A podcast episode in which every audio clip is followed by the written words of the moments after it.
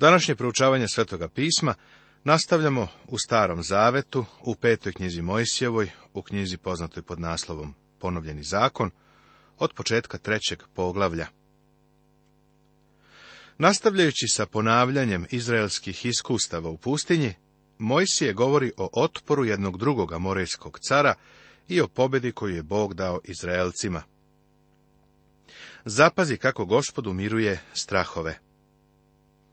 Tako nam dade gospod Bog našu ruke i oga cara Vasanskoga sa svim narodom njegovim i razbismo ga i ne smo mu ni jednoga živa. Og je bio jedan od amorejskih careva, čovjek divovskog stasa, čije je carstvo izgledalo nepobedivo. I uzesmo tada sve gradove njegove, ne bi ni jednoga grada, kojega ne uzesmo, šestdeset gradova, sav kraj Argovski, carstvo Oga u Vasanu. Og je vladao nad 60 odvojenih zajednica. Svi ti gradovi behu utvrđeni zidom visokim, vratima i prevornicama, osim drugih mesta bez zidova, vrlo mnogo. Činjenica da je Izrael uspeo da pobedi ovo veliko dobro, utvrđeno carstvo, bila je dokaz da se Bog borio za Izrael. Ovo je za njih bilo veliko ohrabrenje, kada su se suočili sa divovima i gradovima ozidanim do neba, u obećanoj zemlji. Sada mi dozvoli da tvoju pažnju usparim na veličinu ovog čoveka, Oga. Jer samo Og, car Vasanski, beše ostao od divova. Gle, odar njegov, odar gvozden, nije li u ravi sinova Amonovih. Devet je lakata duga, širok četiri lakta, lakta čovečija.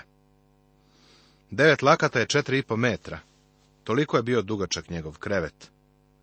Danas mislimo da je ogromni krevet nešto novo. Pa nije, evo prijatelju jednog stvarno velikog kreveta. Verovatno su ga čuvali kao muzejski primjerak u Ramatu, među Amorejcima. Zauzimanje zemlje Tako nasledi smo tu zemlju onda, od Aroira, koji je na potoku Arnonu, i polovinu gore Galada s gradovima njezinim dadoh sinovima Ruvimovim i Gadovim. I ostatak Galada i sav Vasan, carstvo Ogovo, dadoh polovini plemena Manasina. Sav kraj Argovski po svemu Vasanu zvaše se zemlja divovska. Poraženo Ogovo carstvo je bilo dato Ruvivovom i Gadovom plemenu kao i polovinima manasijinog plemena koje je odlučilo da ostane na istočnoj strani reke Jordan. I zapovedih vam onda i rekoh. Gospod Bog vaš dao vam je ovu zemlju u nasledstvo. Naoružani hajdete pred braćom svojom, sinovima Izraeljevim, koje god za vojsku. Mojsije ih podsjeća da to što su se udobno smestili u svojim novim domovima, ne znači da su oslobođeni odgovornosti da ostalim plemenima pomognu u nasleđivanju zemlje na zapadnoj obali reke Jordan. A žene vaše i deca vaša i stoka vaša, znam da imate mnogo stoke, neka ostanu u gradovima vašim koje vam dadoh. Dokle god ne smiri gospodi braću vašu kao vas, da i oni naslede zemlju, koju će im gospod Bog vaš dati s onu stranu Jordana onda se vratite svaki na svoje nasledstvo koje vam dadoh. Mojsijeva molitva Sada Mojsije ponovo pripoveda svoje iskustvo sa gospodom i razlog zbog kojeg mu neće biti dozvoljeno da sa njima uđe u obećanu zemlju. I molih se gospodu onda govoreći, Gospode Bože, ti si počeo pokazivati sluzi svojemu veličinu svoju i krepku ruku svoju. Jer koji je Bog na nebu ili na zemlji, koji bi tvorio dela kakva su tvoja i u koga bi sila bila kakva je tvoja? Daj mi da pređem i vidim zemlju dobru koja je preko Jordana i goru dobru, Livan. Ali gospod beše gnevan name s vas i ne usliši me, nego mi reče dosta, ne govori mi više za to. Poput dobrog roditelja, Bog je veran svojoj reči. On kaže, dosta je Mojsije, o tome više ne želim da slušam. Popni se na vrhove gore i podigavši oči svoje na zapad i na sever i na jug i na istok, vidi očima svojim, jer nećeš preći preko Jordana. Naša srca saosećaju se Mojsijem, kada on počinje da preklinje gospoda, da mu dozvoli da uđe u zemlju, što mu je i bio cilj svih tih četrdeset godina. Kakva je to lekcija za nas, prijatelju? Iako se kajemo za naše grehe, morat ćemo da snosimo njihove posljedice u ovom životu, bez obzira da li nam se to sviđa ili ne. Nego podaj zapovesti Isusu i utvrdi ga i ukrepi ga, jer će on preći pred narodom tim i on će im razdeliti u nasledstvo zemlju koju vidiš. Mojsije ovom novom naraštaju jasno kaže da se spremi da uđe u obećenu zemlju i da je Isus Navin čovek koga je gospod izabrao da bude njihov vođa. Poglavlje četvrto Tema Saveti novoj generaciji U ovom poglavlju se završava Mojsijev pregled izraelskog putovanja kroz pustinju. Stigli su do istočne obale reke Jordan. Približili su se planini nebo i Mojsije sada narodu daje ova posljednja uputstva. Među narodom su stajale samo dve osobe koje su prešle ceo put, Isus Navin i Halev. Većina naroda je sahranjena u pustinji, ili su im kosti ležale pod pustinskim suncem. Novi narašta je sada spreman da uđe u obećanu zemlju. Međutim, pre ulaska, Mojsije ponavlja iskustva i doživljaje koje su imali u pustinji i moli narod da budu poslušni Bogu koji ih voli. Mojsije moli narod da bude poslušan Bogu. A sada Izraelju, čuj uredbe i zakone, koje vas učim da tvorite, da biste poživeli i ušli u zemlju koju vam daje gospod Bog, otaca vaših, i da biste je nasledili, Ništa ne dodajte kreći koju vam ja zapovedam, niti oduzimajte od nje, da biste sačuvali zapovesti gospoda Boga svojega koje vam ja zapovedim. Narod treba da čini, tvori Božje reči, ne samo da ih sluša, nego da ih izvršuje. Obrati pažnju na to da nisu smeli ništa da dodaju zakonu, niti da oduzimaju od njega. Morali su da ga poštuju, kako im ga je Bog dao. Da je Izrael držao zakon, kakav bi samo to blagoslov bio za njih. Ali ovdje ćemo naći prikaz istorije naroda, kome je dat zakon pod povoljnim okolnostima, ali ipak nisu uspjeli da ga održe. Niko se pred Bogom neće opravdati zakonom. Zašto? Da li zato što Bog je svojevoljan i proizvoljan? Ne, nego zato što je telo radikalno pogrešno. U tome je problem. Kao što sam već naveo, ova knjiga ističe dve velike teme, ljubav i poslušnost. Možda nikada nisi primetio da je u starom zavetu ljubav velika tema, ali jeste.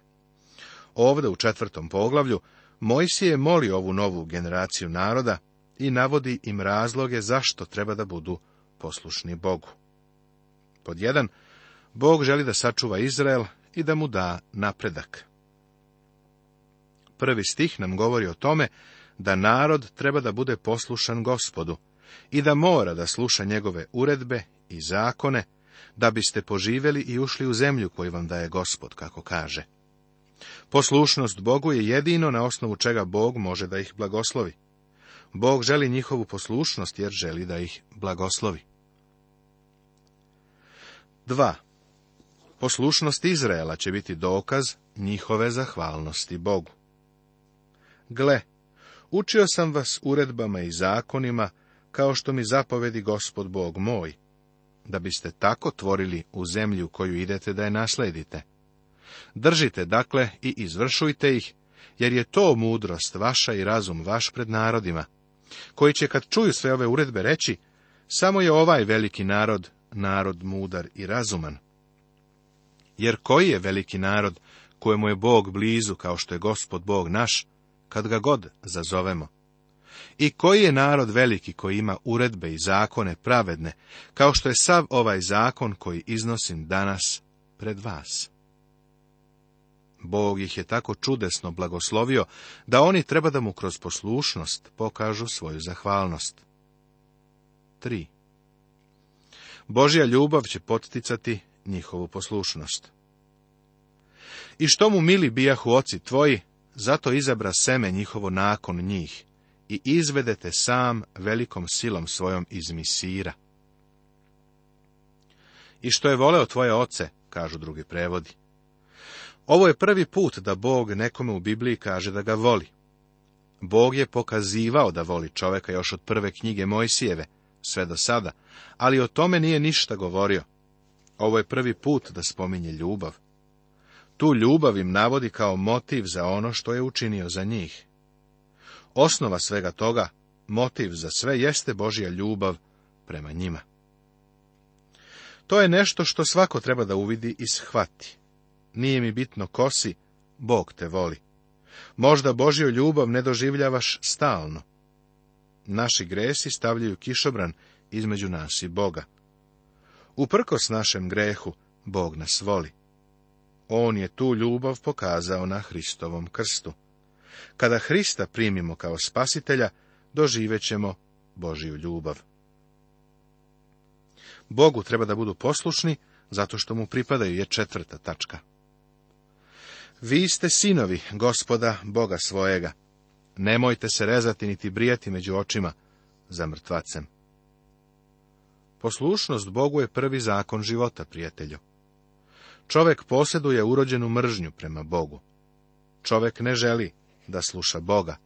U stvari čovek mu se veoma suprotstavlja. Kroz celu Božju reč nalazimo kako su se ljudi opirali Bogu. To nalazimo i kod današnjeg čoveka. Raduje me nešto što sam juče čuo. Nakon što sam propovedao u jednoj maloj crkvi, do mene je došla jedna gospođa i rekla, Doživjela sam spasenje, zahvaljujući vašem programu koji sam slušala. Ali mog muža nikako nisam mogla da privolim da ode u crkvu. Nikako mi nije uspevalo da ga zainteresujem, stalno se opirao. Sada i on počinje da sluša vaš program i to je jedino što uopšte sluša. Ako Božja reč ne slomi taj čovekov otvor, ništa drugo neće moći da to učini. E da je samo Izrael držao Božji zakon, kakav bi blagoslov došao na njih. Posljedice poslušnosti i neposlušnosti Oči su vaše videle šta učeni gospod s Velfegora, jer svakoga čoveka koji pođe za Velfegorom, istrebi gospod Bog tvoj između tebe. A vi koji se držaste gospoda Boga svojega, vi ste svi živi danas. Mojsije se ovdje osvrće na vreme kada je Valam bio pozvan da prokune Izrael, ali nije mogao. Činjenica je da je on uspeo samo da ih blagoslovi. Ali Moavskom caru je dao predlog da pošto ne može da prokune Izrael, onda car treba da pusti narod da siđe i da se izmeša sa izraelskim narodom i da sa njima sklapaju brakove. Ovo će Izraelce upoznati sa lažnim verovanjem, što će na njih navući Božiju osudu. Upravo to se i desilo, kao što smo vidjeli u 25. poglavlju knjige Brojeva, u četvrtoj knjizi Mojsijevoj. Ovo treba da bude primjer ovoj novoj generaciji, ovo i nama treba da bude primjer. Za poslušnost postoji nagrada. Oni koji su pristali u gospoda i ostali mu verni, ostali su živi i ući će u zemlju. Bog ih ponovo podsjeća na to da poslušnost donosi blagoslov. Gle, učio sam vas uredbama i zakonima kao što mi zapovedi gospod Bog moj, da biste tako tvorili u zemlji u koju idete da je nasledite. Poslušnost će doneti Boži blagoslov. Oni će ući u zemlju i zauzeće je.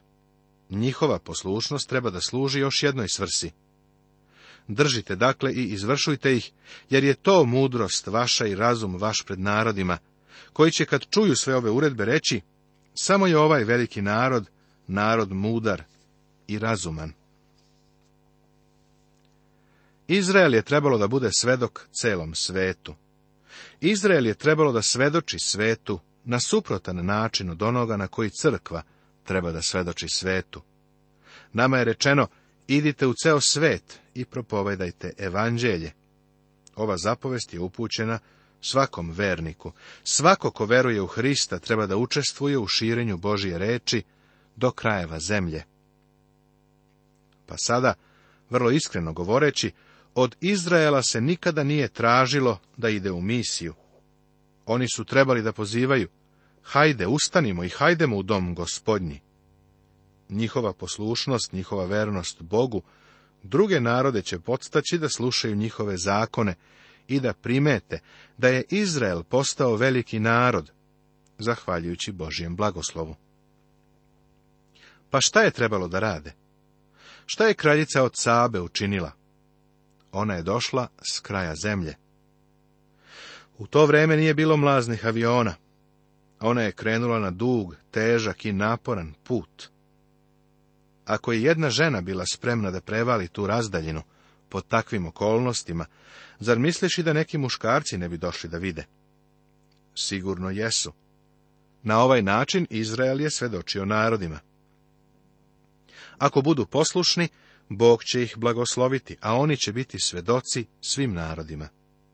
Ako ne budu poslušni i ako se okrenu od gospoda, onda će Božija osuda doći na njih.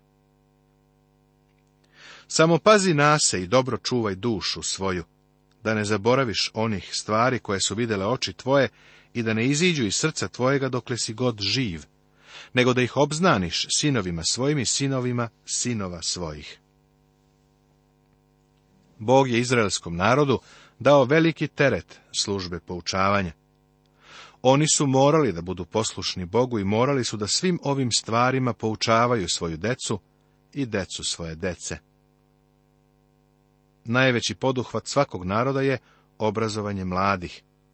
Verovatno najveća greška svakog naroda jeste greška u obrazovanju. Pogledaj današnju Ameriku, vidi žalosne propuste u oblasti obrazovanja. Ne krivim fakultete ni škole. Znaš li gdje leži problem?